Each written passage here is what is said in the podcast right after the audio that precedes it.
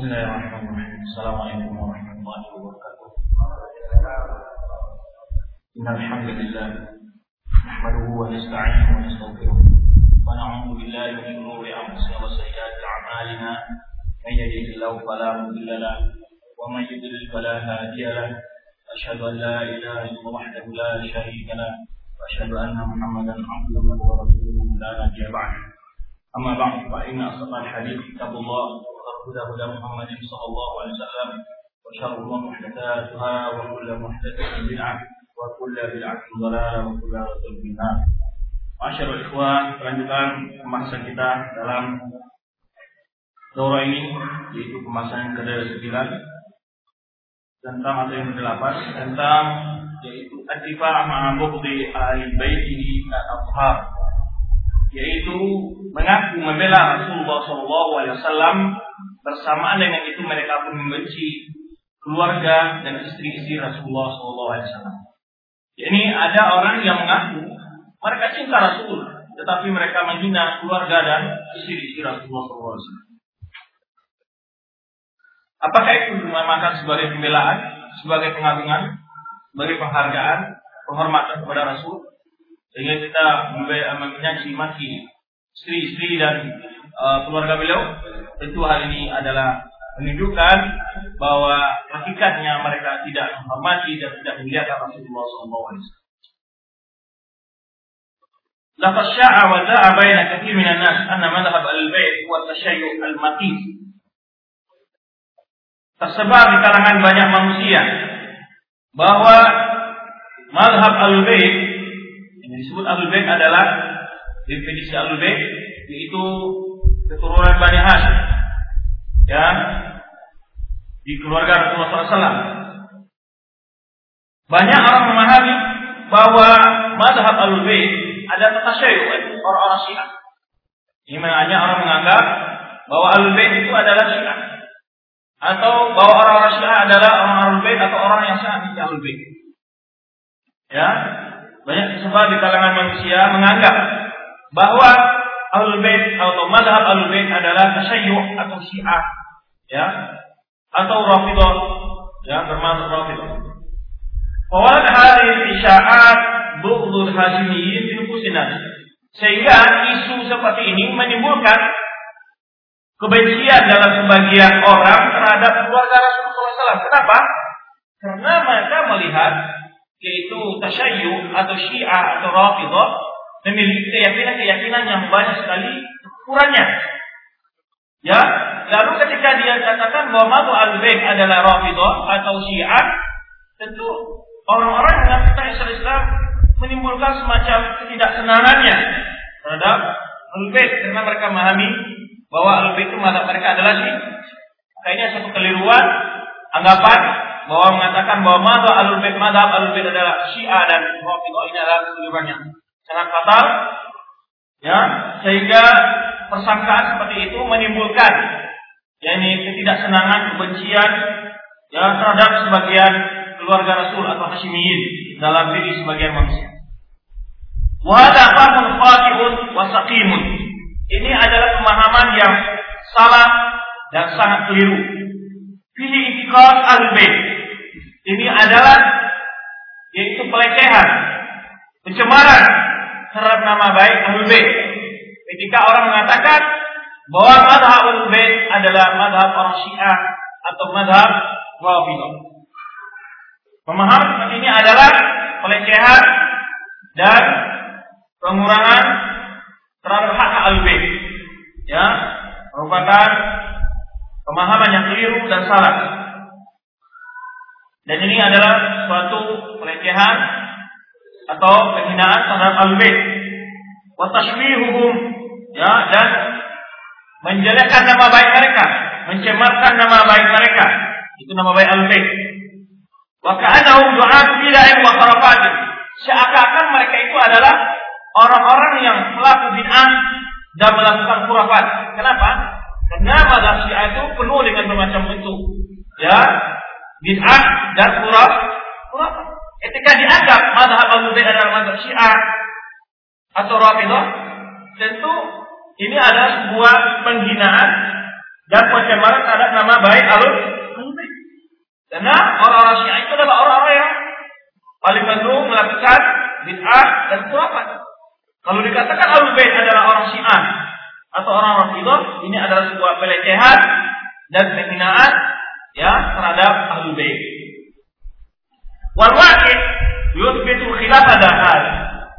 Fakta dan kenyataan sebetulnya tidak seperti demikian. Bahwa madhab alul bait bukanlah bermadhab Syiah atau bermadhab Syiah Rafidah. Al bait intasyaru fi syatti bifa'i dunia. Karena keturunan Rasulullah SAW tersebar dalam berbagai penjuru dunia.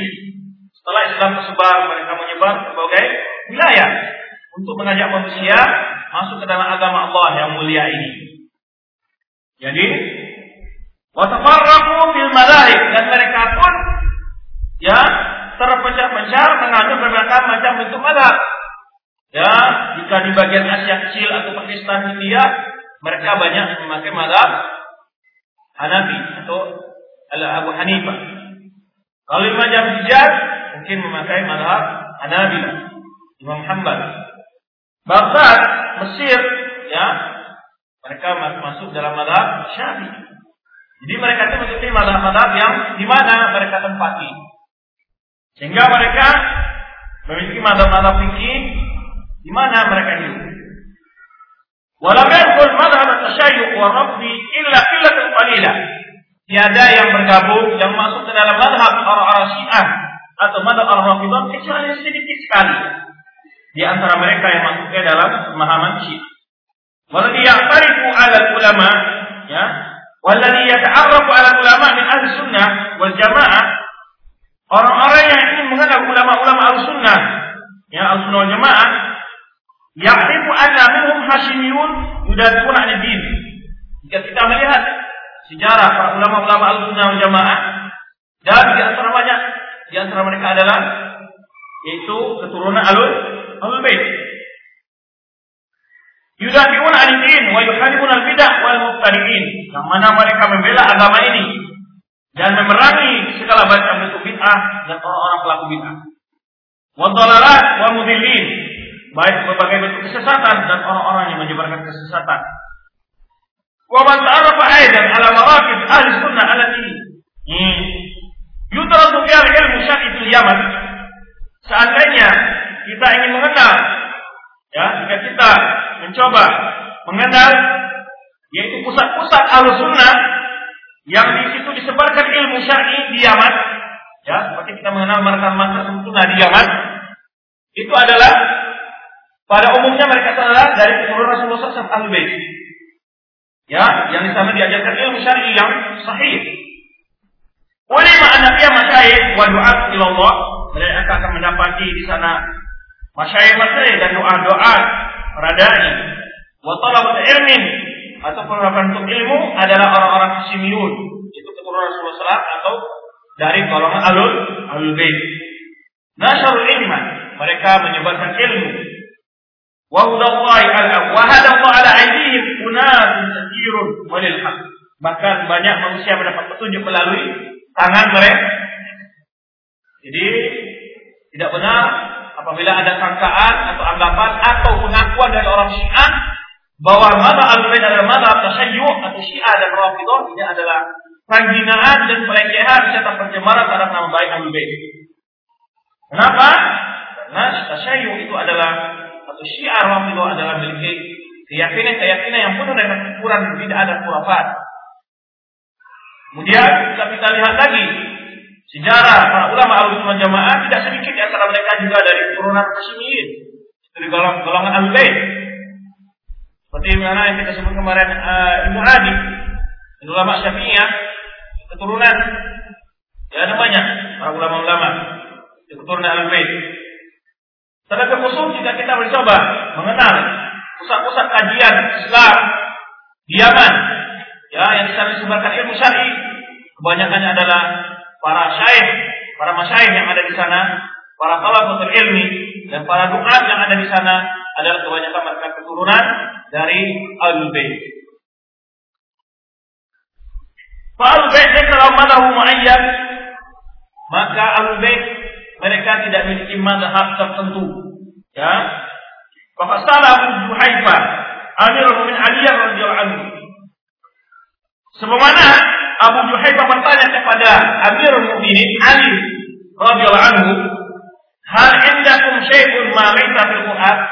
Apakah kalian memiliki sesuatu yang tiada di dalam Al-Quran yang tidak dapat Al-Quran ada kekhususan? Wa qala laisa indan nas atau pada suatu kali dia tanya yang tidak ada pada orang lain. Apakah kalian memiliki sesuatu yang tidak ada pada orang lain? Cuma dari segi il, ilmu atau kekhususan yang diberikan Rasulullah SAW kepada mereka. Jadi dengan al-bait. Faqala Ali radhiyallahu menjawab, "Wallazi khalaqal habba wa bara'a nasama demi zat yang menumbuhkan bijian dan yang menghidupkan jiwa, yang menciptakan jiwa. Ma indana illa Quran.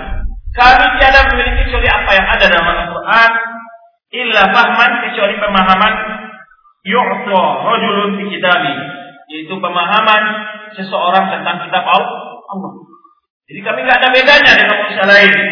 Tidak ada kekhususan mazhab di sisi kami. Pemahaman tertentu tidak ada. Kami memahami mengamalkan apa yang ada dalam Al-Quran dan perbedaan hanyalah ketinggi ilmuwan. Ya, tergantung dari itu pemaham soal Al-Quran yang lebih berbeda-beda. Dalam memahami Al-Quran itu dari segi pemahaman kita pentadaburannya. Wa ma sahifah dan apa yang ada dalam lembaran ini kata Ali bin Abi Thalib karena dalam sarung pedangnya ada sebuah lembaran. Kuntu wa ma sahifah lalu Abu Juhaifah bertanya, apa yang ada dalam lembaran itu ya Abu ini? Qala al-aqlu. Al-aqlu di sini bukan akal sebenarnya adalah yaitu tentang dia, tentang dia. Ya, pembayaran dia. Wa fikakul asir dan hukum tentang penebusan tawanan. Wa ala yuqal muslimun bikafir. Ya.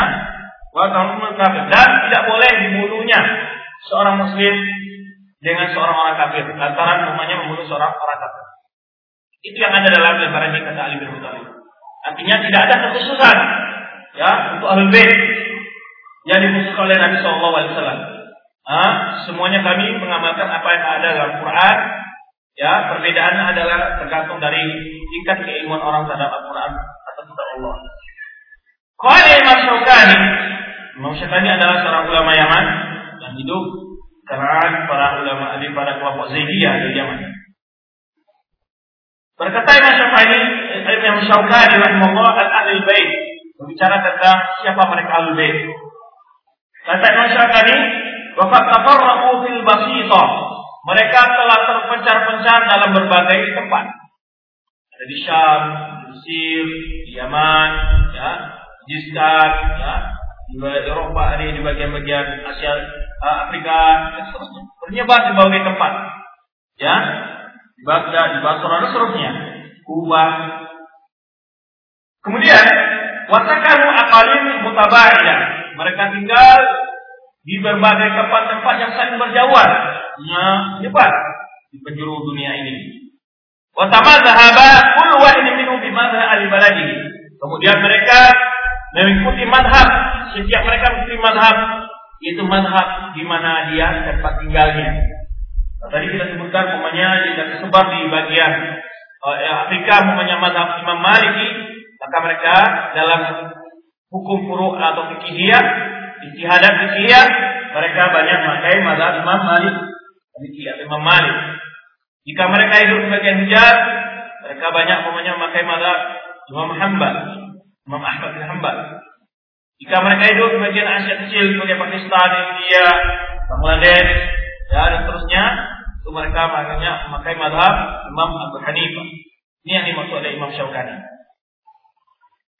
kemudian wa min lawazim difa'ali Nabi SAW tawqir wa ta'zimu suatu kelaziman konsekuensi dari bentuk pengagungan penghormatan terhadap Nabi Shallallahu Alaihi Wasallam adalah memuliakan keluarganya. Memuliakan keluar, bagaimana kita sekarang bilang saya senang kamu, tapi keluarganya kita caci maki. Ya, saya menghormati kamu, tapi keluarganya kita caci maki. Ya, artinya kita termasuk menyakiti ini Jadi suatu tuntutan dari Rasulullah adalah memuliakan Rasulullah SAW dan mengakui Rasulullah SAW terhadap keluarga beliau dalam keluarga beliau. Ya, dan menjaga wasiat beliau terhadap mereka. Dengan mengenal keutamaan-keutamaan alul bait. Wa min kaum dan kedudukan mereka yang termulia. Ya. Yaitu dengan dekatnya mereka dengan Nabi sallallahu alaihi wasallam ziyadatan ala imani ini adalah ini tambahan dari atas iman mereka jadi kita mencintai alul samping kita mencintai karena dia sebagai orang yang beriman tambah lagi kita mencintainya adalah karena dia keturunan dan kerabat Rasulullah keluarga Rasulullah SAW. Tapi alul yang mana? Alul yang istiqomah ala sunnah. Alul yang berjalan di atas agama benar. Ya, karena di zaman sekarang banyak orang mengaku-ngaku alul. Orang mengaku-ngaku alul bait ada berapa hal. Emang kalau benar-benar dari keluarga bait dia, tetapi dia tidak menyalakan sunnah, malah melakukan banyak macam-macam bid'ah, apalagi kesyirikan, maka ini tidak berhak untuk kita berikan loyalitas atau kecintaan yang mutlak kepada mereka. Ya, tapi kita mendoakan, menasihati mereka. Tapi ada al mereka benar-benar keturunan atau keluarga Rasulullah Wasallam. Wajib kita cintai jika mereka itu berjalan di atas sunnah, menegakkan tauhid di muka bumi Allah ini. Sebagaimana pendahulu-pendahulu mereka, seperti Ali bin Abi Thalib radhiyallahu ya, dalam menegak tauhid. Dan ada pula bentuk yang ketiga, orang-orang yang mengaku sebagai keturunan atau keluarga Rasulullah SAW, tetapi mereka itu pada hakikatnya bukan keturunan, keturunan atau keluarga Rasul, maka ini dia telah berbohong. Dan dia akan diancam oleh azab yang keras dan tidak akhirat. Ya, Rasulullah SAW melarang kita menisbahkan diri bukan kepada bapaknya, ini sebuah dosa yang besar. Apalagi ditambah tujuan untuk menisbahkan diri kepada keluarga Rasulullah jadi untuk melanjutkan kesesatan-kesesatan dan segala macam bid'ah. Berwajib untuk ajaran-ajaran sesat. Lalu dibungkus dengan alasan ini adalah keluarga alur alur Ini lebih bahaya lagi. Kemudian kita wajib menjaga hak-hak keluarga Rasulullah SAW. Bahwa asru al al al ala wajib al Mereka adalah keluarga yang mulia termulia di muka bumi ini. Wa azwajuhu ummahatul mu'minin as-sahirat. Demikian pula wajib kita mencintai, memuliakan, menghormati istri-istri Rasulullah. Sebagaimana Allah sebutkan dalam firman-Nya, "Innama yuridullahu lidhiba ankum al bait wa yutahhirakum tathira." Sungguhnya Allah berkeinginan menjauhkan dari kalian kotoran, wahai ahlul bait, dan membersihkan kalian dengan sebersih-bersihnya. Bukan aja mau salat alaihim taba'an salat ala nabi. Allah telah mewajibkan mengucapkan selawat terhadap mereka yaitu sebagai kesempurnaan selawat kita terhadap Nabi Muhammad sallallahu alaihi wasallam. Sebagaimana dalam tasyahud waktu kita salat. Allahumma salli ala Muhammad wa ala ali Muhammad. Kama salli ala Ibrahim wa ala ali Ibrahim. Wa barik ala Muhammad wa ala ali Muhammad. Kama barakta ala Ibrahim wa ala ali Ibrahim في العالمين إنك حميد مجيد dan juga firman Allah Subhanahu wa taala An-Nabi wa awla bil mu'minina min anfusihim wa azwajuhu ummahatuhum Sungguh Nabi itulah lebih utama sebenarnya bagi orang mukmin daripada diri mereka sendiri. Ya, sepantasnya orang mukmin lebih mengutamakan Nabi daripada diri mereka sendiri. Sedangkan istri-istri Nabi itu adalah ummahatuhum. Adalah ibu mereka. Kenapa digunakan kata-kata ibu di sini? Menunjukkan betapa besarnya hak keluarga Rasul, terutama istri Rasul SAW atas umat ini. Agar dihormati, bukan dicaci maki. Namun ada orang di kalangan umat ini mengaku cinta alul tapi mereka mensafirkan dan mencari maki istri-istri Rasulullah SAW. Terutama ibunda Aisyah radhiyallahu anha. Bagaimana orang mengatakan cinta Rasulullah? Bagaimana orang mengatakan Ahlul Bait? Bukankah istri Rasulullah bukan bagian dari keluarganya? Sebagian orang Syiah ada orang Syiah ada orang Rafidah mengatakan bahwa istri Rasulullah tidak termasuk al bait ini adalah kebohongan dan kebatilan dijelaskan.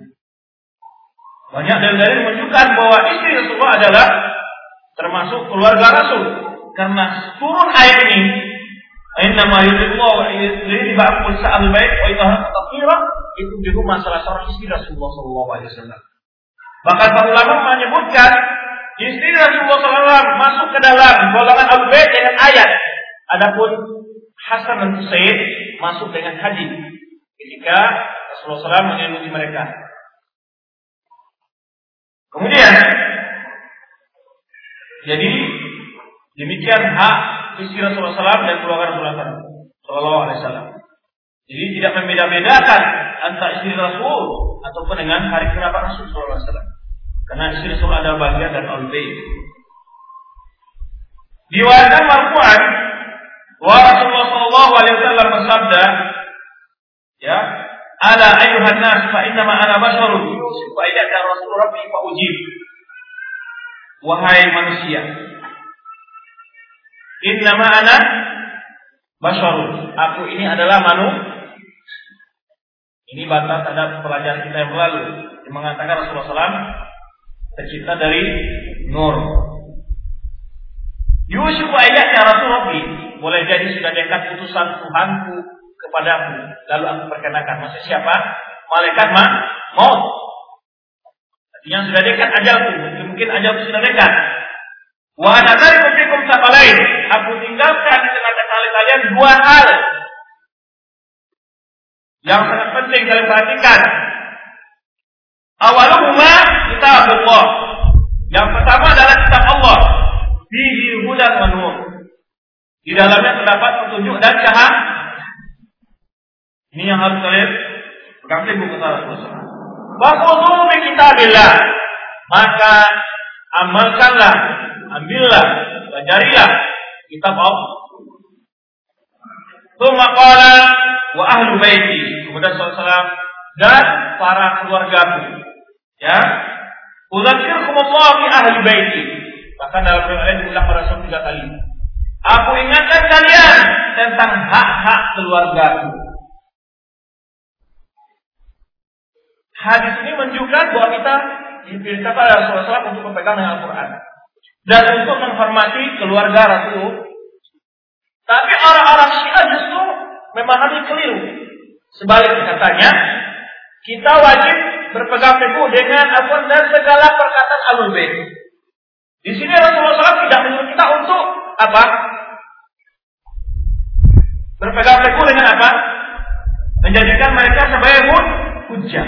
Beda dengan orang Syiah menjadikan imam-imam mereka sebagai hujah adalah Al-Quran wa Sunnah. Perkataan imam mereka lebih dahulu mereka pakai daripada Al-Quran dan Sunnah. Sedangkan hadis ini tidak menunjukkan kita itu apa? Tidak menunjukkan bahwa menjadikan perkataan imam Al-Bait sebagai hujah kecuali perkataan mereka itu adalah sesuai Al-Quran dan Makanya kalau dalam Al-Quran kita langsung khudu di kitabillah. Tapi ada yang beritakan khudu bima qala di ahli bait. Yang harus kita hati-hati dan jeli, jelimit dalam memahami hadis. Kalau tidak orang harus sesat, biasa untuk menggunakan hadis tidak pada tempatnya. Hadis sama sekali tidak menunjukkan memahami itu. Maka mereka orang yang mengatakan bahwa perkataan imam menasahkan Al-Quran. Saya punya kitab usul kafi, insya Allah tidak sempat saya bawa ya. Insya Allah. Di dalam usul kafi. Bahkan nanti kita Ambil nanti kita sebutkan bagaimana orang syafi'i dan imam mereka. Bahkan katanya perkataan imam itu menasahkan apa? Hukum-hukum Al-Qur'an.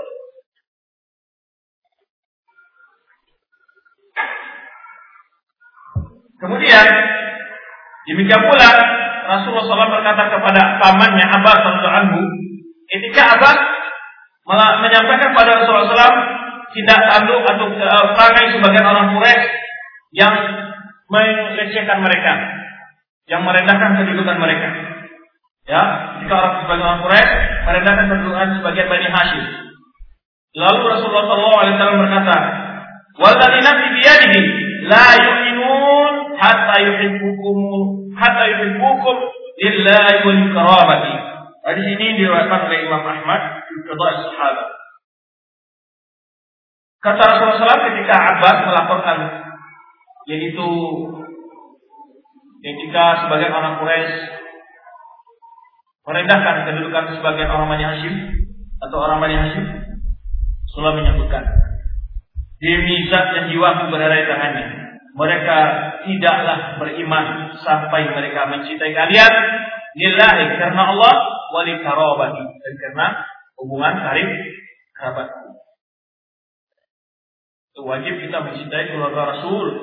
Tapi siapa ini Rasul yang benar-benar beriman dengan Rasul Sallallahu Alaihi Wasallam.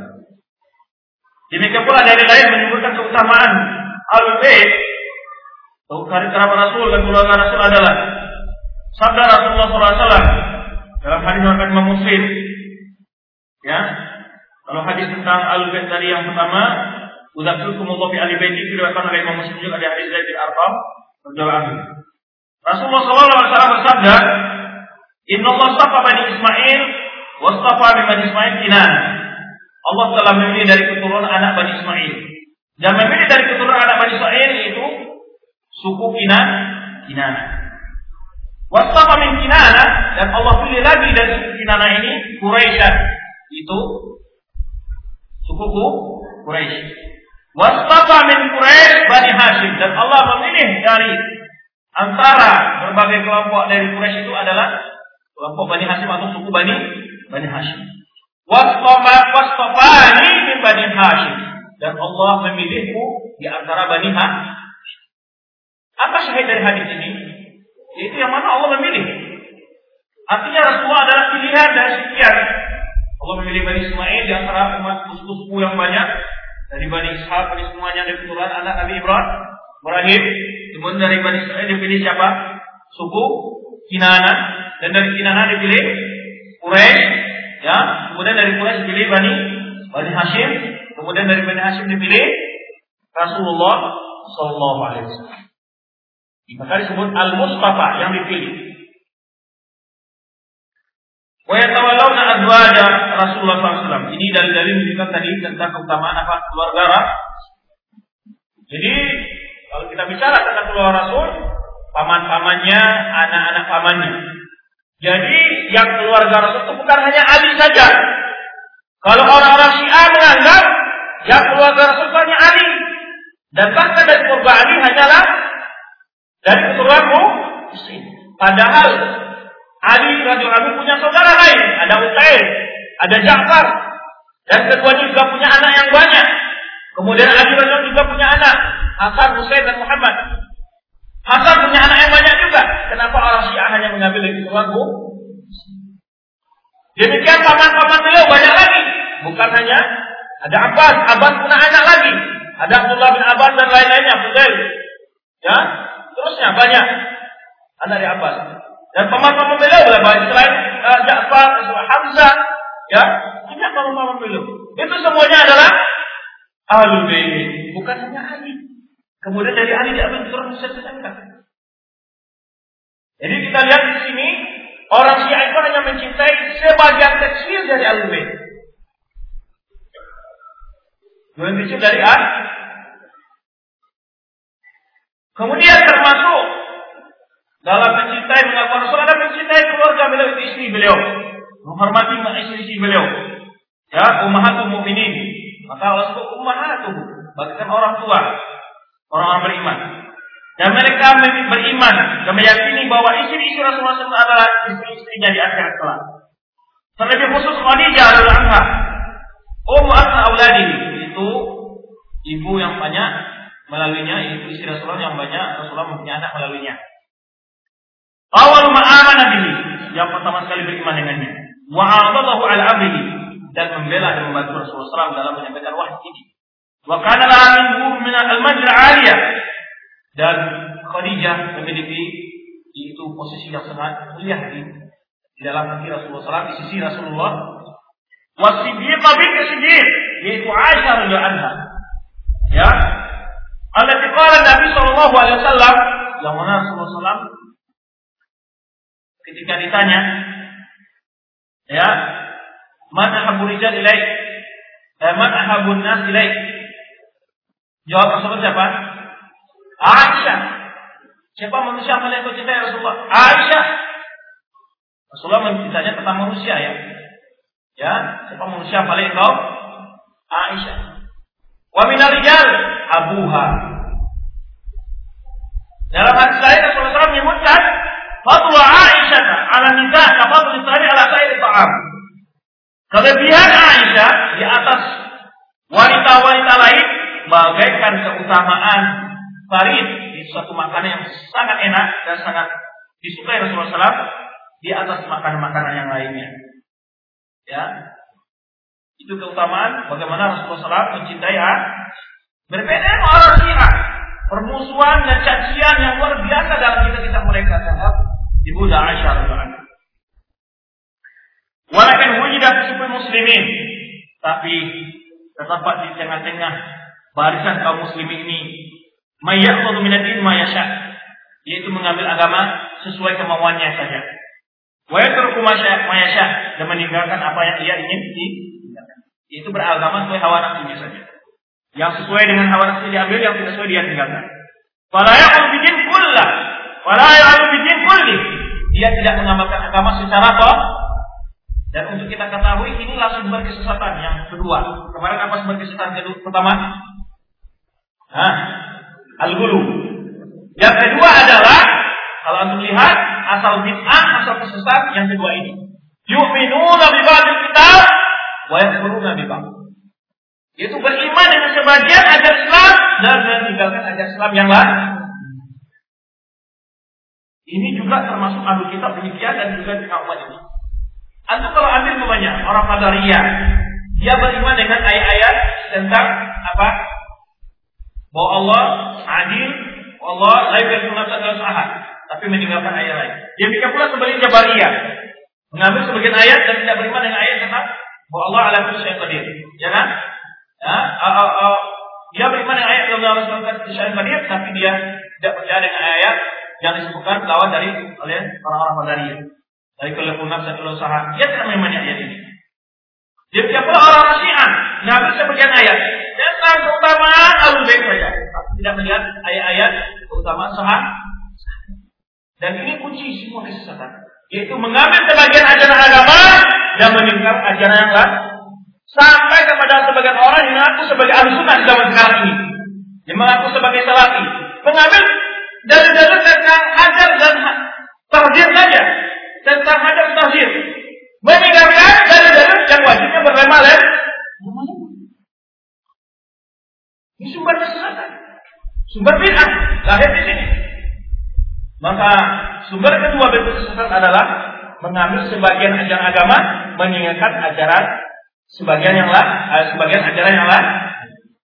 Yang sesuai dalil yang biasanya. Tidak, kita wajib mengamalkan semua ajaran Islam secara keseluruhan, secara utuh. Tidak membeda-bedakan ayat-ayat Al-Quran. Kita banyak lagi. Ada yang mengatakan, saya mengambil Al-Quran saja, tidak usah ngambil sunnah. Itu ikhlas sunnah. Ada lagi kelompok, saya mengambil hadis yang mutawatir saja, tidak mau mengambil hadis ahad. Ya kan? Ini membeda-bedakan dalam agama. Ini sumber kesesatan. Kalau kemarin kita sebutkan sumber pertama, kesesatan itu adalah bulu. Yang kedua adalah membeda-bedakan ajaran agama. Ada orang yang bicara masalah akhlak saja, nggak mau bicara masalah tahu.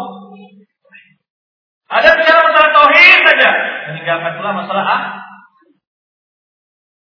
Agama ini utuh. Jangan dibeda-bedakan. Semuanya agama. Wajib kita jalankan. Maka ada orang di dalam agama ini, dia memulakan Abu tapi tidak mencintai sahabat.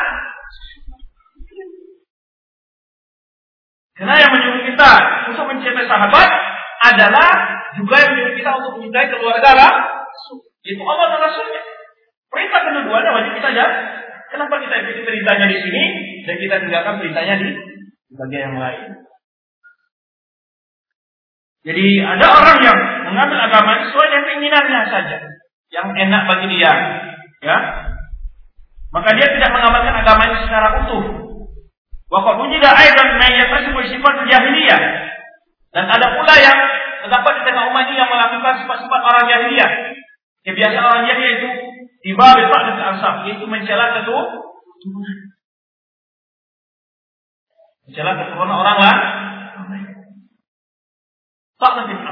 Ini salah satu bentuk kebiasaan orang jahiliyah mencela Tuhan Rasulullah mencela Tuhan Bani Umayyah itu orang jahat. Dan seterusnya. Laqad talama suratul Ahzab kathiran min umur lati akramallahu biha azwajan Nabi sallallahu alaihi wasallam. Sesungguhnya dalam surat Al-Ahzab di dalamnya terdapat kandungan yang begitu banyak menerangkan tentang wajibnya menghormati dan memuliakan istri-istri Rasulullah SAW. Dan Allah di sana menyebutkan kemuliaan dan keutamaan istri-istri Rasulullah SAW. Mujahatan lahunna sebagai balasan bagi mereka ada husni sani'ihinna yaitu tentang baiknya tingkah laku mereka. Fi ikhtiyarihinna lillah ketika mereka telah memilih ya Allah dan Rasulnya dan kamu akhirat. Wal maqam huna la yasma bi tawassu. Jadi di sini tidak mencerita berpanjang lebar. Di zikri hadir umur menyebutkan persoalan-persoalan ini secara rinci. Innamal maksud ya tabyinu ma lahu min makana inda Allah wa inda Rasulullah.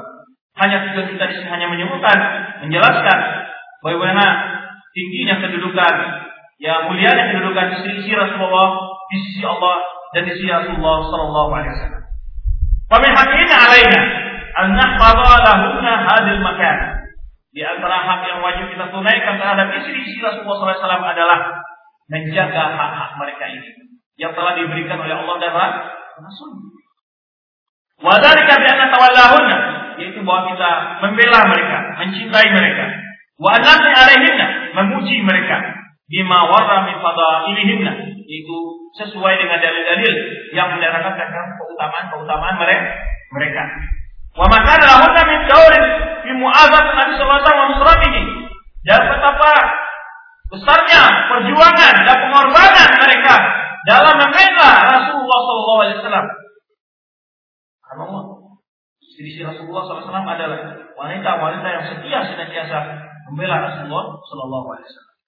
Wa makan lahunna min daurin ba'da wafati. Demikian pula bagaimana perjuangan istri Rasulullah setelah wafatnya Rasulullah, terutama ibunda Aisyah meriwayatkan hadis yang banyak sekali.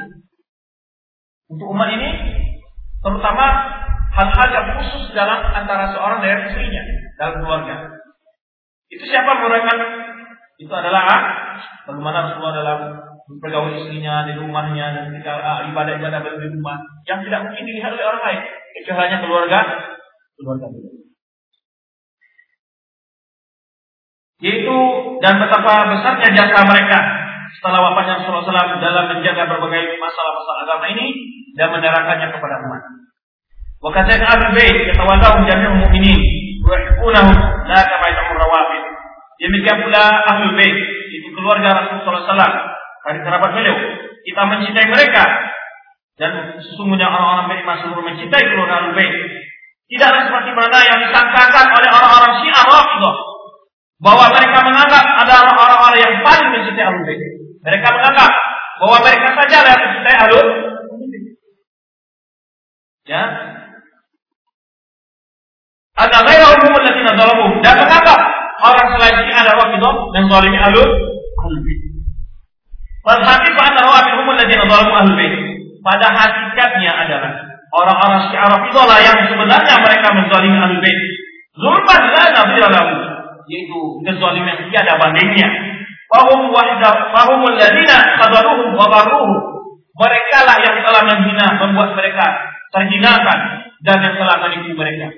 Bagaimana kisah ini? Yaitu ketika orang-orang Al-Kufah memberikan surat kepada Husain radhiyallahu anhu untuk datang kepada mereka. Dan mereka berjanji akan membela Husain.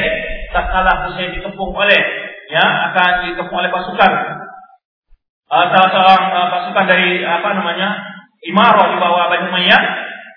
Orang-orang Kufah tidak membelanya. Mereka justru lari dari Husain dan meninggalkan Husain. Ya. Kemudian Wasasabahu iradi kathir min riwayat al-bait. Dan bahkan orang Syiah telah menyebabkan itu ditolaknya kebanyakan riwayat al-bait gara-gara mereka yang suka mungkin hadis hadis palsu terhadap alul bait. Disebab matasyara'an aula rawafid min al-kadhib al-bait. Karena disebabkan itu yang terkenalnya kebohongan rawafid orang Syiah rawafid terhadap al-bait. Di akhirnya banyak riwayat al-bait ya terlupakan Kenapa? Karena uh, apa namanya orang-orang Syiah yang suka membikin-bikin hadis palsu, riwayat palsu tentang alun sehingga menyebabkan banyak riwayat mereka yang hilang. Idza fa'ila dzalik fa inna rawafid yahsuruna mahabbatahu fi nazarin kalimi al-bait. Terlebih-lebih lagi orang-orang Syiah Rafidhah mereka itu membatasi kecintaan mereka itu pada berapa orang saja dari golongan Ahlul Bait. Tadi yang kita sebutkan hanya dari Ali, keturunan Ali hanya keturunan Bu. Kemudian dari keturunan lagi mereka batasi lagi. Ya kan? Muhammad Husain kemudian terusnya. Jadi tidak mencintai secara total Ahlul Bait, secara keseluruhan. Mana salihin min Ahlul Bait alladzina yaqulu rawafid tadumuhum akthar adad min alladzina yatahaduna Padahal jumlah Ahlul Bait yang soleh ya yang solihin dari al jauh jumlahnya lebih banyak daripada jumlah yang mana orang-orang Syiah pura-pura mencintai mereka. Cuma apa? Tidak sebanding sekali. Tadi kita lihat dari paman saja banyak paman-paman beliau Hamzah, Abbas, ya, terus yang lain-lainnya. Kemudian dari keturunan saudara-saudari beliau pun banyak, ya kan? Itu mereka meninggalkan itu mereka ambil Ali, Hussein, terus Muhammad dengan Abi terus Muhammad.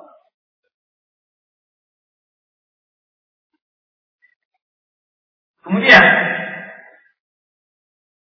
Wa man zama anak Abbas wa Abdullah Barang siapa yang menyangka bahwa Abbas dan anaknya Abdullah bin Abbas tidak termasuk keluarga Al-Bait ya, tidak mendapat kemuliaan ya dari bagian Al-Bait Wa min al-jabah dan bait ashabi. Ini termasuk telah melecehkan sebagian ahli bait dari keluarga Orang-orang Syiah tidak mencintai Abbas dan keluar Abdul Abbas. Wakala Syekh Islam dan Taimiyah, Syekh Islam mengungkapkan wa abadun nas an hadil wasiyah. Manusia yang paling jauh dari wasiat Rasul ini yaitu apa wasiat Rasul? Udzakirkum udzakirkumullah di ahli bait. Saya ingatkan kepada kalian tentang hak-hak keluarga. Ini wasiat Rasulullah SAW. Maka kata Syaikhul Islam orang yang paling jauh dari mengamalkan anak wasiat ini adalah yaitu orang-orang Rafidah atau orang Syiah.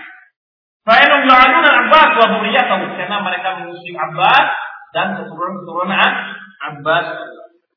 Siapa yang menghancurkan Khalifah Abbasiyah? Khalifah Abbasiyah keturunan Abbas. Siapa yang menghancurkan? Orang Syiah bekerja sama dengan Khalifah Ibnu apa bi? Ya, mereka bukan mencinta ahlul bait. Baju aduna jumhur ahlul bait wa inuna kufar alaihim. Ya, bahkan mereka memusuhi kebanyakan ahlul bait dan menolong orang-orang kafir untuk menghancurkan memusuhi ada yang membunuh alul Baik. Akwal ulama tujuh mahabbat ahlul bait nubuwah. Perkataan para ulama tentang wajibnya mencintai ahlul bait, wajibnya mencintai keluarga Rasulullah SAW, ya baik itu keturunan anak-anak paman beliau ataupun istri-istri beliau. Karena ahlul bait itu mencakup siapa? Itu istri Rasulullah dan juga anak-anak paman beliau dari keluarga Bani Hashim. Berkata Umar bin Abdul Aziz, ya, ya Abdullah bin Hasan bin Hussein, Abdullah bin Hasan bin Husain. Husain ada anak namanya Hasan. Anak Husain ada namanya Abdullah. Dan ini apa kata Umar bin Aziz? Umar bin Aziz siapa itu Umar bin Aziz? Ada Khalifah Bani Umayyah. Kenapa ini kita cerita? Bahwa ini kita buktikan bagaimana kecintaan Bani Umayyah terhadap karena orang-orang Syiah itu menyebarkan kesesatan dan isu bohong bahwa Bani Umayyah sangat membenci keluarga Alun. Sekarang kita buktikan bagaimana ungkapan salah seorang orang Bani Umayyah, penguasa yang masyhur di Umar bin Abdul Aziz. Apa katanya kepada Abdullah bin Husain bin Husain? "Idza kana laka hajah faktubli lihat. Katanya kepada Abdullah ini, kalau engkau butuh sesuatu, tulislah kepada. Fa ini astahi min Allah, karena aku malu kepada Allah. Ayyaraka ala baba dari engkau berdiri di depan rumahku. Ma ala wahri ardi. Tiada di muka bumi ini ahlu baitin ahabu ilayya minku. Tiada di muka bumi ini keluarga yang paling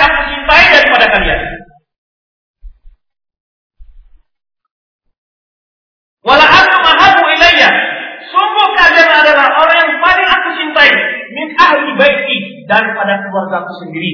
Kata Umar bin Abdul Aziz. Begini kedudukan Ahlul Bait, keluarga Rasul di hadapan para Bani Umayyah. Memuliakan keluarga Rasulullah SAW sampai dia katakan tiada di muka bumi ini keluarga yang paling cintai daripada kalian. Dan bahkan kalian lebih aku cintai daripada keluarga aku sendiri kata Umar bin Abdul Aziz rahimahullah. Kemudian Waqala li Fatimah binti Ali. Dan dia juga berkata kepada Fatimah binti Ali cucu juga bukan Ali. Uh, Ali radhiyallahu ya yang bapak yang tua Ali bin Abi Thalib tidak. Anak dari mungkin Muhammad Ali atau anak dari Hasan atau anak dari Husain cucu-cucunya apa kata dia kepada ini? Kalau yang tadi kepada Abdullah sekarang dia kata kepada Fatimah. Ya Bapak Ali wahai anak perempuan Ali Wallahi ma'ala dhali azim ahlu bait aham ilayya minni. Demi Allah. Tiada di muka bumi ini keluarga yang lebih aku cintai daripada kalian. Wala antum ahabu ilayya min ahli. Sungguh antum, sungguhnya kalian lebih aku cintai daripada keluarga sendiri. Tadi dikatakannya kepada Abdullah bin Hasan bin Hasan bin Husain. Karena katakannya kepada Ali uh, Fatimah bin demikian. Halo sunnah mencintai Ahlul Bait. Wa qala berkata ketika beliau menceritakan tentang ciri-ciri cinta Rasulullah SAW, alamat mahabbatin Nabi. Itu bukti-bukti cinta seseorang kepada Rasulullah SAW. Apa di antara ciri-ciri orang cinta kepada Rasulullah SAW? Wa minha mahabbatu liman ahabban Nabi SAW. Man huwa bisababihi ahli baiti.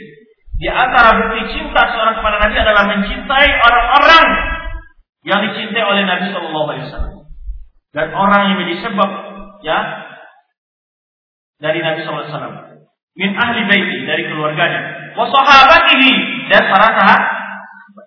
Minal muhajirin wal ansar. Baik kalau muhajirin dan jadi tidak membeda-bedakan cinta ya. Ahli bait cintai sahabat di maka di sini ya Qadiyat menyebutkan ciri cinta kepada Rasulullah adalah cinta kepada keluarga beliau ahli bait dan cinta kepada para sahabat beliau dari muhajirin dan ansar. Wa adawatu man adahu dan memusuhi orang memusuhi mereka. Orang memusuhi ahli bait atau memusuhi sahabat. Wa ghaddu man abghadahum dan memarahi orang yang bikin mereka marah. Ya. Wa sabbu man ahabba wa sabba wa sabba man abghadahum wa sabbahu. Kata Qadiyah dan memarahi orang yang marah kepada sahabat, marah kepada keluarga. Paman ahabba ahabba Barang siapa yang cinta kepada seseorang, pasti dia mencintai apa yang dia cintai. Cinta kepada Amon, si Ali suka ini, pasti kita mencintai apa yang dicintai oleh si Ali. Kita cinta Rasul, kita mencintai siapa yang dicintai oleh Rasulullah SAW. Rasulullah mencintai keluarganya dan para sahabatnya dan sini-sini. Qala Imam Ajuri rahimahullah wajib ala kulli mu'min wa mu'minatin. Diwajibkan atas setiap orang mukmin laki-laki dan perempuan. Mahabbat ahli bait Rasulullah SAW mencintai keluarga Rasulullah SAW Banu Hashim siapa mereka yang keluarga Rasulullah itu Banu Hashim. Ali bin Abi Thalib wa pertama Ali bin Abi Thalib dan anak-anaknya wa dan keturunannya ya Wa Fatimah wa waladiha wa dzurriyyatiha dan Fatimah dan anak-anak keturunannya. Kenapa? Karena Ali juga punya istri selain Fatimah. Wa Hasan wa Husain. Wa auladihima. Jadi keturunan Hasan dan keturunan Husain. Wa dzurriyyatihima dan keturunannya sampai ke bawah. Wa Ja'far Fayyan. Ja'far saudara siapa? Saudara Ali. Jadi Ahlul Bait bukan hanya Ali saja. Ja'far Fayyan. Wa waladi wa dzurriyyati dan anak-anak cici sampai keturunannya. Wajib kita cintai. Wa Hamzah, ini al lagi. Wa waladi wa dzurriyyatihi, anak-anaknya sampai ke cucu-cucunya. Ya, Hamzah. Wal Abbas dan Abbas, wa waladi wa anaknya sampai ke cucu-cucunya ke bawah. Radhiyallahu anhum. Haulai ahlu bait Rasulullah sallallahu alaihi wasallam. Mereka itulah yang disebut ahlu bait, keluarga Sebutkan Abbas, Hamzah, Ja'far Ukel, itu banyak sebetulnya dari anak-anak paman beliau dan juga daripada apa namanya anak-anak dari anak paman beliau. Kemudian Kata Imam Al-Juri, wajib ala muslimin mahabbatuhum. Wajiblah seorang muslim untuk mencintai mereka, wa ikrami wa akramuhum, memuliakan mereka, wa ihtimaluhum wa husni mudaratihim. Bergaul dengan baik mereka, wa sabru alaihim dan bersabar terhadap mereka, wa du'a lahum dan mendoakan mereka. Paman asana min auladihim, barang siapa yang baik dari keturunan-keturunan mereka tadi dari al itu, ya wa dzurriyyatihim, faqad takhallaqa bi akhlaqi salafihi al-kiram, al-akhyar al-abrar. Berarti dia telah berakhlak sesuai dengan akhlak para pendahulu mereka yaitu yang mulia dan yang yang baik. Wa man takhallaqa minhu bima la Barang siapa yang akhlaknya tidak baik, ya, du'iya lahu. Kita doakan semoga Allah memperbaiki akhlaknya. Kita doakan Allah memperbaikinya, menunjukinya. Wasiana dan menjaganya, wasalama dan menyelamatkannya. Wa syarbu ini wa asyaru al wal adab fi asli muasyarah. Dan hendaklah mereka itu digauli dengan ini orang punya akal punya adab bergaul mereka dengan cara yang baik, yang baik. Berkata lagi Imam Qurtubi, ya tentang hadis Rasulullah SAW, "Udzakirkumullah fi ahli baiti." Hadis yang kita sebutkan tadi. Ya, di sini diwakilkan Imam Muslim. Imam Qurtubi ini adalah syarih kitab Sahih Muslim, bukan Imam Qurtubi Sahih Tafsir. Ya, Qurtubi ada dua. Nah, ini lebih tua daripada Imam Qurtubi yang eh enggak, Imam Qurtubi eh, ini Imam Qurtubi ini dari kalangan kaum Malik. Udzakirhu fi ahli baiti berkata Imam Qurtubi, wa hadhi wasiyah wa hadha ini adalah wasiat dan ini adalah ketegasan yang tadi ujung ikram ahli yaitu menuntut yaitu menerangkan tentang wajibnya memuliakan keluarga Rasul. Wa ibrarihim berbuat baik kepada mereka wa tauqirihim dan memuliakan mereka. Wa mahabbatihim dan mencintai mereka. Wujubul furud itu kewajiban yang fardu al muakkadah yang sangat ditekankan. Allati la udra li ahadin yang tiada alasan bagi seorang khusus saja untuk meninggalkannya. Hada ma'a ilmin min khususiyatihim ya bersamaan dengan mereka yang memiliki khususan kekhususan yaitu keluarga Rasul bersama mereka dengan Nabi SAW wa bi anhum juz'un minhu wa mereka itulah bagian dari Rasul SAW fa in usuluhu allati nasha'anha karena mereka itu adalah asalnya yang darinya lahir Rasulullah SAW wa furu'uhu allati nasha'u anhu dan juga keturunan-keturunan Rasul yang tercabang darinya. Kama qala fa kama qala Fatimah tufi'atu minni. Fatimah adalah penggalan atau eh, satu bagian dari Berkata Ibnu Hajar Al-Haytami, Asy-Syafi'i, qala Ba'da an dzakara jumlatan min ahadits dala ala fadli ahlul bait. Setelah dia menyebutkan hadis-hadis yang menunjukkan tentang keutamaan ahlul bait, wa fi ahadits. Kata beliau, hadis-hadis ini adalah dorongan yang begitu kuat untuk wajibnya berbuat baik kepada mereka dan berbuat dan bergaul dengan mereka dengan baik dan memuliakan mereka. Wa tiada hukukihim menunaikan hak-hak mereka, menunaikan hak-hak mereka. Al wajibah yang wajib wal mandubah ataupun yang dianjurkan. Kaifa wa hum asyadu baitin wujida ala. Bagaimana tidak? Karena mereka adalah keluarga yang termulia di muka bumi ini. Fahran wa hasban, ya, wa nasaban, baik kebanggaan keturunan dan kemudian wala siyama idza kanu muttabi'in sunnah nabawiyah kama kana salafun Apalagi apabila mereka itu benar-benar mengikuti sunnah Rasulullah SAW sebagaimana para pendahulu mereka. Itu tentang pembahasan yang ketiga. Itu ada orang mengaku mencintai Rasul, Muhammad Rasul namun tidak mencintai keluarga keluarga mereka.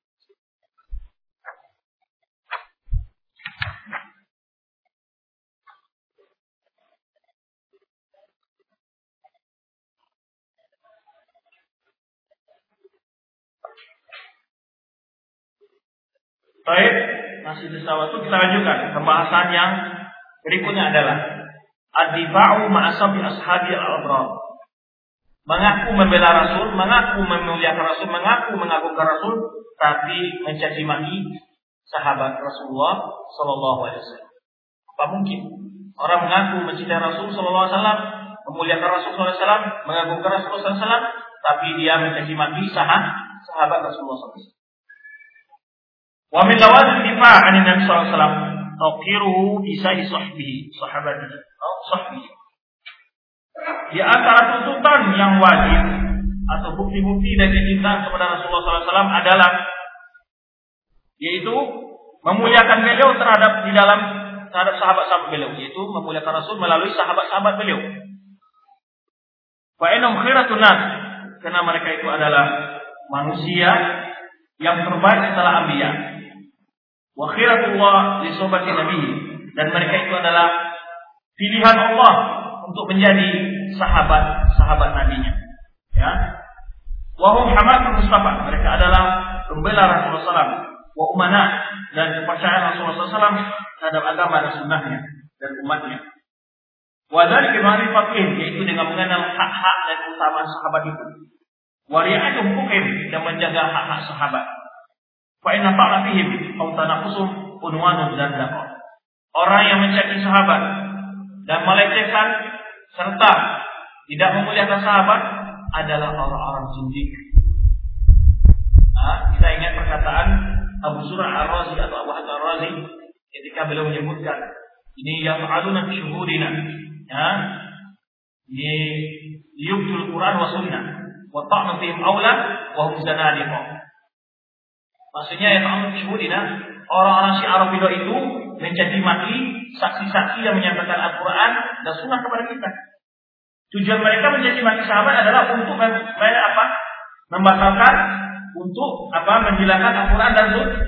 Tapi mereka tak berani untuk menjadi Al-Quran Sunnah, maka mereka menjadi sahabat yang menyebar Al-Quran Sunnah. Lalu kata Abu Zuhair mencela mereka lebih utama. Wahum zana Mereka orang-orang di jindik. Wala ketujuh ta'ifah al-mahdulah.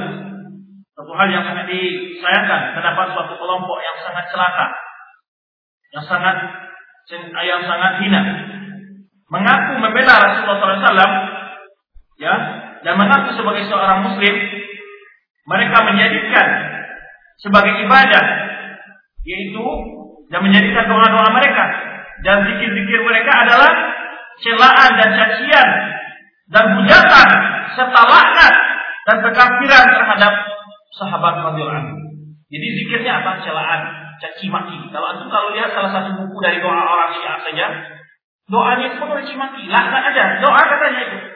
Tapi dari teman, ya Allah, laknatlah Bani Umayyah, laknat pula, laknat pula, laknat pula. Itu isi. Yang mana mereka menjadikan caci itu sebagai apa? Kurban, sebagai ibadah, ibadah bagi mereka. Maka tidak ada agama di dunia ini ya yang menjadikan caci maki sebagai ibadah selain orang Syiah Rafidah. Bagi mereka kasih maki itu ibadah.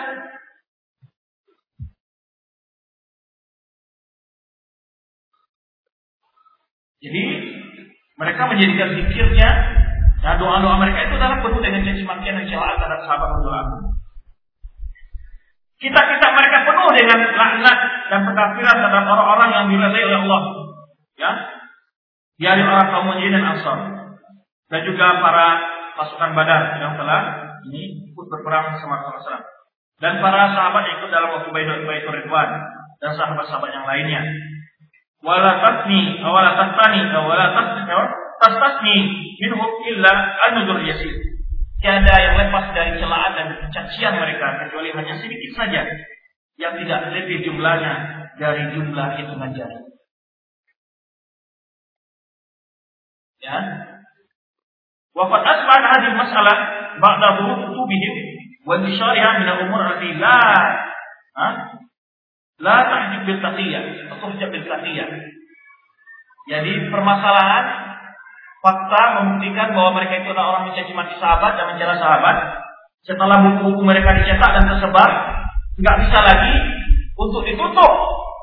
Ini tindakan buruk ini, tingkah laku yang jelek ini dengan cara bertaki, takiyah. Ya, mereka bertakiyah. Ya. Tetapi kalau ada orang Syiah bertakiyah, mudah saja. Tolong kamu katakan Abu Bakar radhiyallahu anhu. Ya, Utsman radhiyallahu anhu. Itu lidahnya akan keluh. Karena tak biasa, karena terbiasa oleh dia malah anak. Ya, Karena orang Syiah itu bertakiyah, berpura-pura sebagai seorang muslim, berpura-pura sebagai seorang sunni. Dan itu banyak sekarang mulai muncul di negara kita ini. berpura-pura dia sebagai sunni. Ya, berpura-pura dia membela keluarga Rasul dan seterusnya. Nah, dahulu mereka bertakiyah, nggak ada kami mencaci maki sahabat dan seterusnya. Tetapi setelah buku-buku mereka muncul, ya dan dapat dibaca oleh orang banyak, akhirnya mereka tidak bisa lagi menyembunyikan kebobrokan akidah mereka ini. Walaupun kita nazarna ila kitabillah wa sunnah Rasulillah, berbeda apabila kita melihat kepada kitab Allah Al-Qur'an dan sunnah Rasulullah SAW. Najib fihi ma bil aksi tamaman. Akan kita dapati itu lawan dari isi-isi kitab mereka. Balhuma mali'ani bisana ala sahabat. Bahkan Al-Quran dan Sunnah itu penuh dengan ya, pujian-pujian terhadap sahabat. Bapak ya, Allah ini tidak menerangkan nanti keutamaan doa mereka. Seperti membaca firman Allah. Laqad radiyallahu ha? Anil ladzina alladzina yubayyinunaka Ini radiyallahu anhu wa an. Kemudian juga as-sabiqun awalun min muhajirin wa ansar wal ladzina tabauhum bi ihsan radhiyallahu anhu radu an. Sabiqun awal minal muhajir wal ansar. Ada sekali keutamaan yang tidak mungkin ya kita hitung di dalam Al-Qur'an tentang keutamaan-keutamaan sahabat. Waladina ma'u asyidda'al kufar wa hama'u bainahum. Tarahum ruk'a sujadah. Disebutkan sifat-sifat mereka mulia. Ya. Banyak sekali ayat Quran yang menyebutkan tentang kemuliaan sahabat. Ya, apalagi khususnya Abu Bakar Ya, dan tapi orang Syiah justru paling benci kepada Bakar dan Umar. Dan Quran sebutkan, dan yang ini itu keluar adalah Abu Bakar. Tidak ada itu beda dan tidak ada. Semua halus halus Islam sepakat bahwa yang masuk Islam adalah Abu Bakar. Nah, berbeda dengan kitab-kitab mereka justru sebaliknya, isinya pengucapan makian dan makian terhadap para sahabat. Adapun kitab-kitab Al-Quran, adapun yang sulam maupun ayat Quran justru sebaliknya. Memuliakan sahabat, menyebutkan, menyebutkan keutamaan-keutamaan sahabat dan kemuliaan-kemuliaan mereka.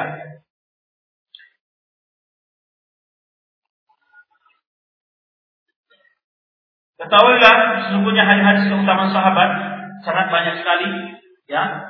Fatbala bagi hadis tawatir. Hadis tawatur sungguhnya melewati batas itu hadis-hadis yang mutawatir. Wasana ala sahibati Rasulullah SAW baca Muhammad bin Alidah. Ujian terhadap sahabat Rasulullah SAW telah datang dalam ayat yang banyak dari kitab Allah. Demikian pula dalam sunnah Rasulullah SAW dengan jalan yang mutawatirah mustafidah. Wajah itu ijma, kemudian pun juga ijma Ya, fa inna umma ajma ala anna sahabat afdal afdal ummah. Sungguhnya umat Islam bersepakat bahwa sahabat adalah ini generasi yang paling afdal dari umat Islam, yang paling mulia dari umat ini. Ya. Wa anna khairu qurun, bahwa mereka adalah sebaik-baik qurun.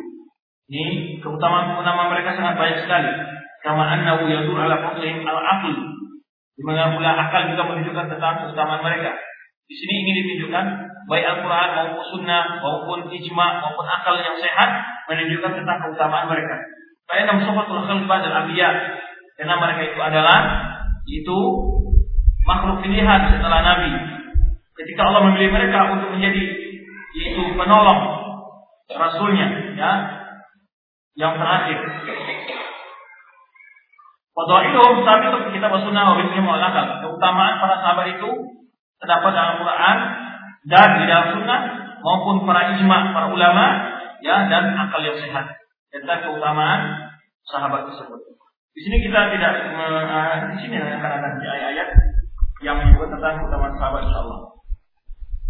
Di sini kita nukil perkataan yang Bukhari menyebutkan bahwa tentang keutamaan sahabat itu ini terdapat dalam Quran, terdapat dalam Sunnah, terdapat juga pula ijma umat Islam demikian pula akal yang sehat menunjukkan tentang keutamaan sahabat. Faman apa mimman yakunu fi qalbi dhillun ala khairil khiyaril mu'minin. Kata Imam Tahawi atau Syarif Imam Nawawi ini Abilis, siapakah orang lebih sesat lagi dari orang yang dalam hati terdapat kedengkian terhadap orang mukmin yang pilihan, terhadap orang terbaik dari orang mukmin. Wasadatul awliya dan para wali-wali Allah, ya, pendahulu wali Allah ba'da nabi setelah para nabi. Bal fatalahu al-yahud dan nasara bi khaslat bi. Bahkan orang Yahudi lebih baik daripada orang orang Yahudi dan Nasara lebih memiliki sifat satu melebihi orang Syiah dan Rafidah satu sifat Ini kebaikan, satu sifat kebaikan. Apa? Kenapa? Ketika kita kata gila Yahud, ketika ditanya kepada orang Yahudi, man khairu ahli millatikum? Siapa yaitu pemeluk agama kalian yang terbaik? Kalau ashabu Musa. Mereka akan katakan adalah sahabat-sahabatmu. Siapa yang terbaik dari pemeluk agama kalian? Dia akan katakan adalah sahabat-sahabatmu. Wakilal Nasar. Jika kita tanya pula kepada orang Nasrani, man khairu ahli millatikum? Siapa ya generasi terbaik dari agama kan? kalian? Wakalu ashabu Isa. Mereka akan katakan adalah sahabat sahabat sahabat sahabat Isa. Wakila lil Rafidah, tetapi apabila ditanya kepada orang Syiah Rafidah, man syarru ahli millatikum? Siapa yang paling buruk dari generasi umat agama kalian? Apa katanya? Yaitu waqalu ashabu Muhammad adalah sahabat-sahabat Muhammad. Walam yastasnu minhum illa qalil. Mereka tidak mengecualikannya kecuali sedikit saja. Wa fi man sabbuhum man wa khair mimman tasnuhum bi am'afi mudha'afah. Bahkan orang yang mereka caci itu kebaikannya jauh berlipat-lipat ganda dari sebagian orang-orang yang mereka muliakan. Di sinilah bedanya orang Syiah orang. Orang Syiah kalau antum baca kitab mereka bahwa masa sahabat, kehidupan sahabat adalah kehidupan yang paling hina. Jadi pembunuhan segala macam. Mereka simpati sahabat itu dengan kebohongan dan macam-macam. Seolah yang nggak ada yang lebih jelek dalam sepanjang sejarah Islam ini kecuali di masa maka tadi disebutkan oleh ini perkataan kalau nggak salah salah seorang tabiin dinukil oleh Syekh di awal, di awal kitabnya eh, apa namanya? Uh, Minhaj Sunnah. Ya. Apabila dengan orang Yahudi ini orang Yahudi itu lebih baik dari sifat dari orang Rafidah. Kita orang Yahudi mengatakan generasi terbaik dari umat mereka adalah sahabat Musa. Orang Nasrani mengatakan generasi terbaik dari umat mereka adalah sahabat Isa. Tapi orang Syiah Rafidah mengatakan yang generasi terjelek dari umat ini adalah generasi Wamin tauqirihim di antara bentuk menghormati dan memuliakan Rasulullah SAW adalah memuliakan sahabatnya. Ya, dan berbaik terhadap mereka dan mengenal hak-hak sahabat tersebut. Dan memuji mereka dan memohon ampunan untuk mereka. Mana firman Allah Subhanahu wa taala, "Walladzina ja'u min ba'dihim yaquluna Rabbana fir lana wa li ikhwanina alladziina sabaquna bil iman. Sabaquna bil. Oleh sebab itu diwakilkan dari Imam Malik. Jadi ketika ada orang bertanya orang Syiah itu, kalian ini tidaklah termasuk dari orang muhajirin dan juga tidak termasuk dari orang ansor. Juga tidak, tidak termasuk dari orang mukmin yang mendoakan mereka. Kata Imam Malik, bagian saja tiga. Lima kali orang ansor atau eh, lima kali orang muhajirin atau ansor atau orang-orang beriman yang mendoakan mereka Makanya Imam Malik menyebutkan orang yang tidak ada di rasa Tuhan tidak pernah mendapat baik antara persaudaraan. Mereka tidak termasuk dari golongan yang juga tidak termasuk orang-orang mendoakan mereka. Kemudian wanasru hasanatim dan menyebarkan kebaikan bagi mereka. Kita menyebarkan bagaimana infaknya, jihadnya Abu Bakar Umar, Utsman, Ali, dan para sahabat-sahabat yang lainnya. Kita sebarkan kebaikan mereka. Wa fadailih keutamaan-keutamaan mereka wa hamidi sirati dan sirah-sirah mereka yang begitu indah. Sejarah kehidupan mereka yang begitu indah. Wal imsak amma syajar bainahum dan diam terhadap perkara-perkara yang terjadi di antara sesama sahabat. Nah ini akidah al Jamaah adalah menutup mulut terhadap perkara-perkara yang diperselisihkan oleh sahabat yang mereka terselisih dalamnya. Kenapa? Pertama, mereka saja adalah masyarakat yang paling dalam ilmunya berbeda pendapat. Apakah kita orang yang kurang ilmu bisa memberi memberikan mengatakan hukum ini salah lebih benar, ini yang lebih benar? Tidak mungkin. Kedua adalah kita tidak menyaksikan masa mereka. Apa alasan mereka berkata demikian? Apa alasan ini berkata demikian? Bagaimana kita menjadi hakim? Bagaimana kita menjadi syahid, saksi? Kita tidak menyaksikan peristiwa itu. Dengan apa kita menghukum? Dengan apa? Alasan apa kita menghukum? Mereka jauh lebih afdol dan banyak ulama-ulama lebih afdol tidak pernah mengatakan ini salah ini benar. Kok kita aja ibadahnya susah, untuk ilmu saja susah, ya kan? Sudah bisa pula mengatakan Abu Bakar yang salah, Umar yang salah, Utsman yang salah, ini yang salah, itu yang salah. Siapa kita? Maka Makanya di antara manhaj al jamaah adalah berdiam terhadap apa yang dipersiapkan oleh sah. Demikian manhaj ini bisa kita lakukan pada zaman sekarang. Jika para ustaz berselisih, jika para dai berselisih, para makmu jangan ikut campur tangan. Yang banyak dan berbanyak masalah yang menyebabkan fitnah adalah para makmu. Sesama ustaz saja sudah tidak bisa menyelesaikan, apakah kita lebih berilmu dari mereka? Apakah kita lebih bertakwa dari mereka, lebih tahu persoalannya? Ini enggak pro dan kontra pula. Oh ustaz itu begini, ustaz begini. Sehingga menjadikan permasalahan menjadi rumit. Ini ada. Kalau mereka sama dari bersesi, ada orang yang tahu lagi ulama yang lebih besar. Yang akan menyelesaikan mereka. Bukan murid-muridnya ini yang menyatakan ini salah, ini salah, ini betul. Tidak. Nah ini fitnah terjadi di tengah dakwah semua jemaah. Lebih baik diam sudah. Kalian belajar saja. Kita belajar saja. Tidak usah ikut-ikut. Belajar saja. Cari ilmu. Semakin banyak ilmu, akan semakin terang nanti. Mana yang benar, mana yang salah. Jadi oleh sebab itu, ada dalam menghadapi khilaf di antara dai, para ustaz, para syekh, para ulama, tidak usah ikut campur.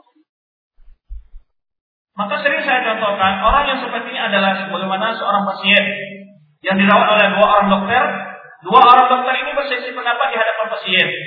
Ya, tahu-tahu di belakang dokter uh, pasien ini ngomong kepada orang tuanya, dokter yang si A itu benar, yang si B itu keliru. Dia pasien. Tahu apa dia? Ya kan? Kalau memang lebih pintar, dia sendiri ngobati obat penyakit ini. Nah, sebab itu kami nasihatkan kepada ikhwan-ikhwan para menteri tidak usah ikut campur tangan. Diam sajalah. Jangan dipindah-pindahkan kabar Ustaz berkata begini, Ustaz berkata. Tidak usah. Diam. Tidak usah dipindah-pindahkan. Tidak usah ngomong. Niscaya insya Allah berbagai macam keburukan ini bisa ditutup dan besar. Perselisihan itu akan hari semakin kurang.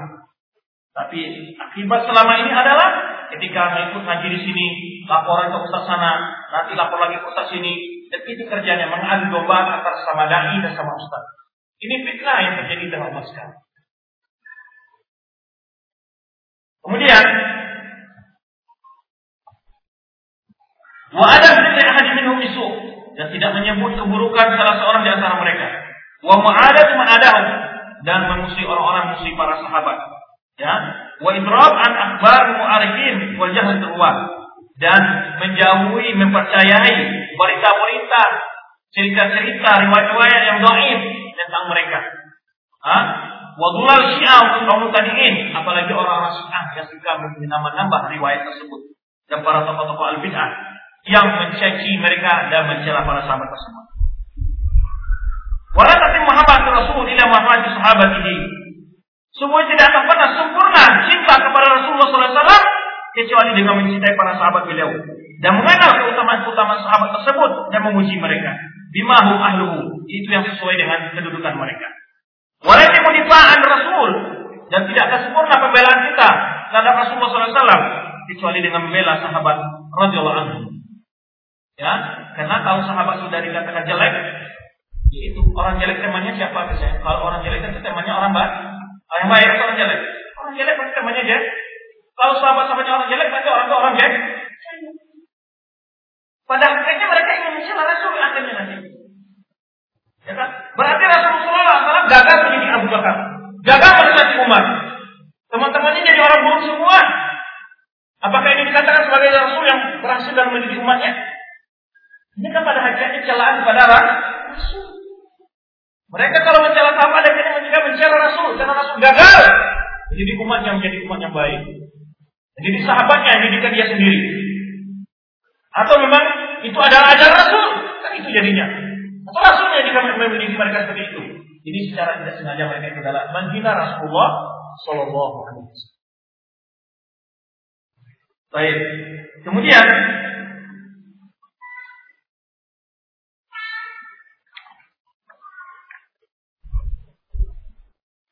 Insya Allah kita juga belajar berikutnya itu bahwa mazhab al-sunnah wal jamaah disebut wasatun beda kalau tabligh.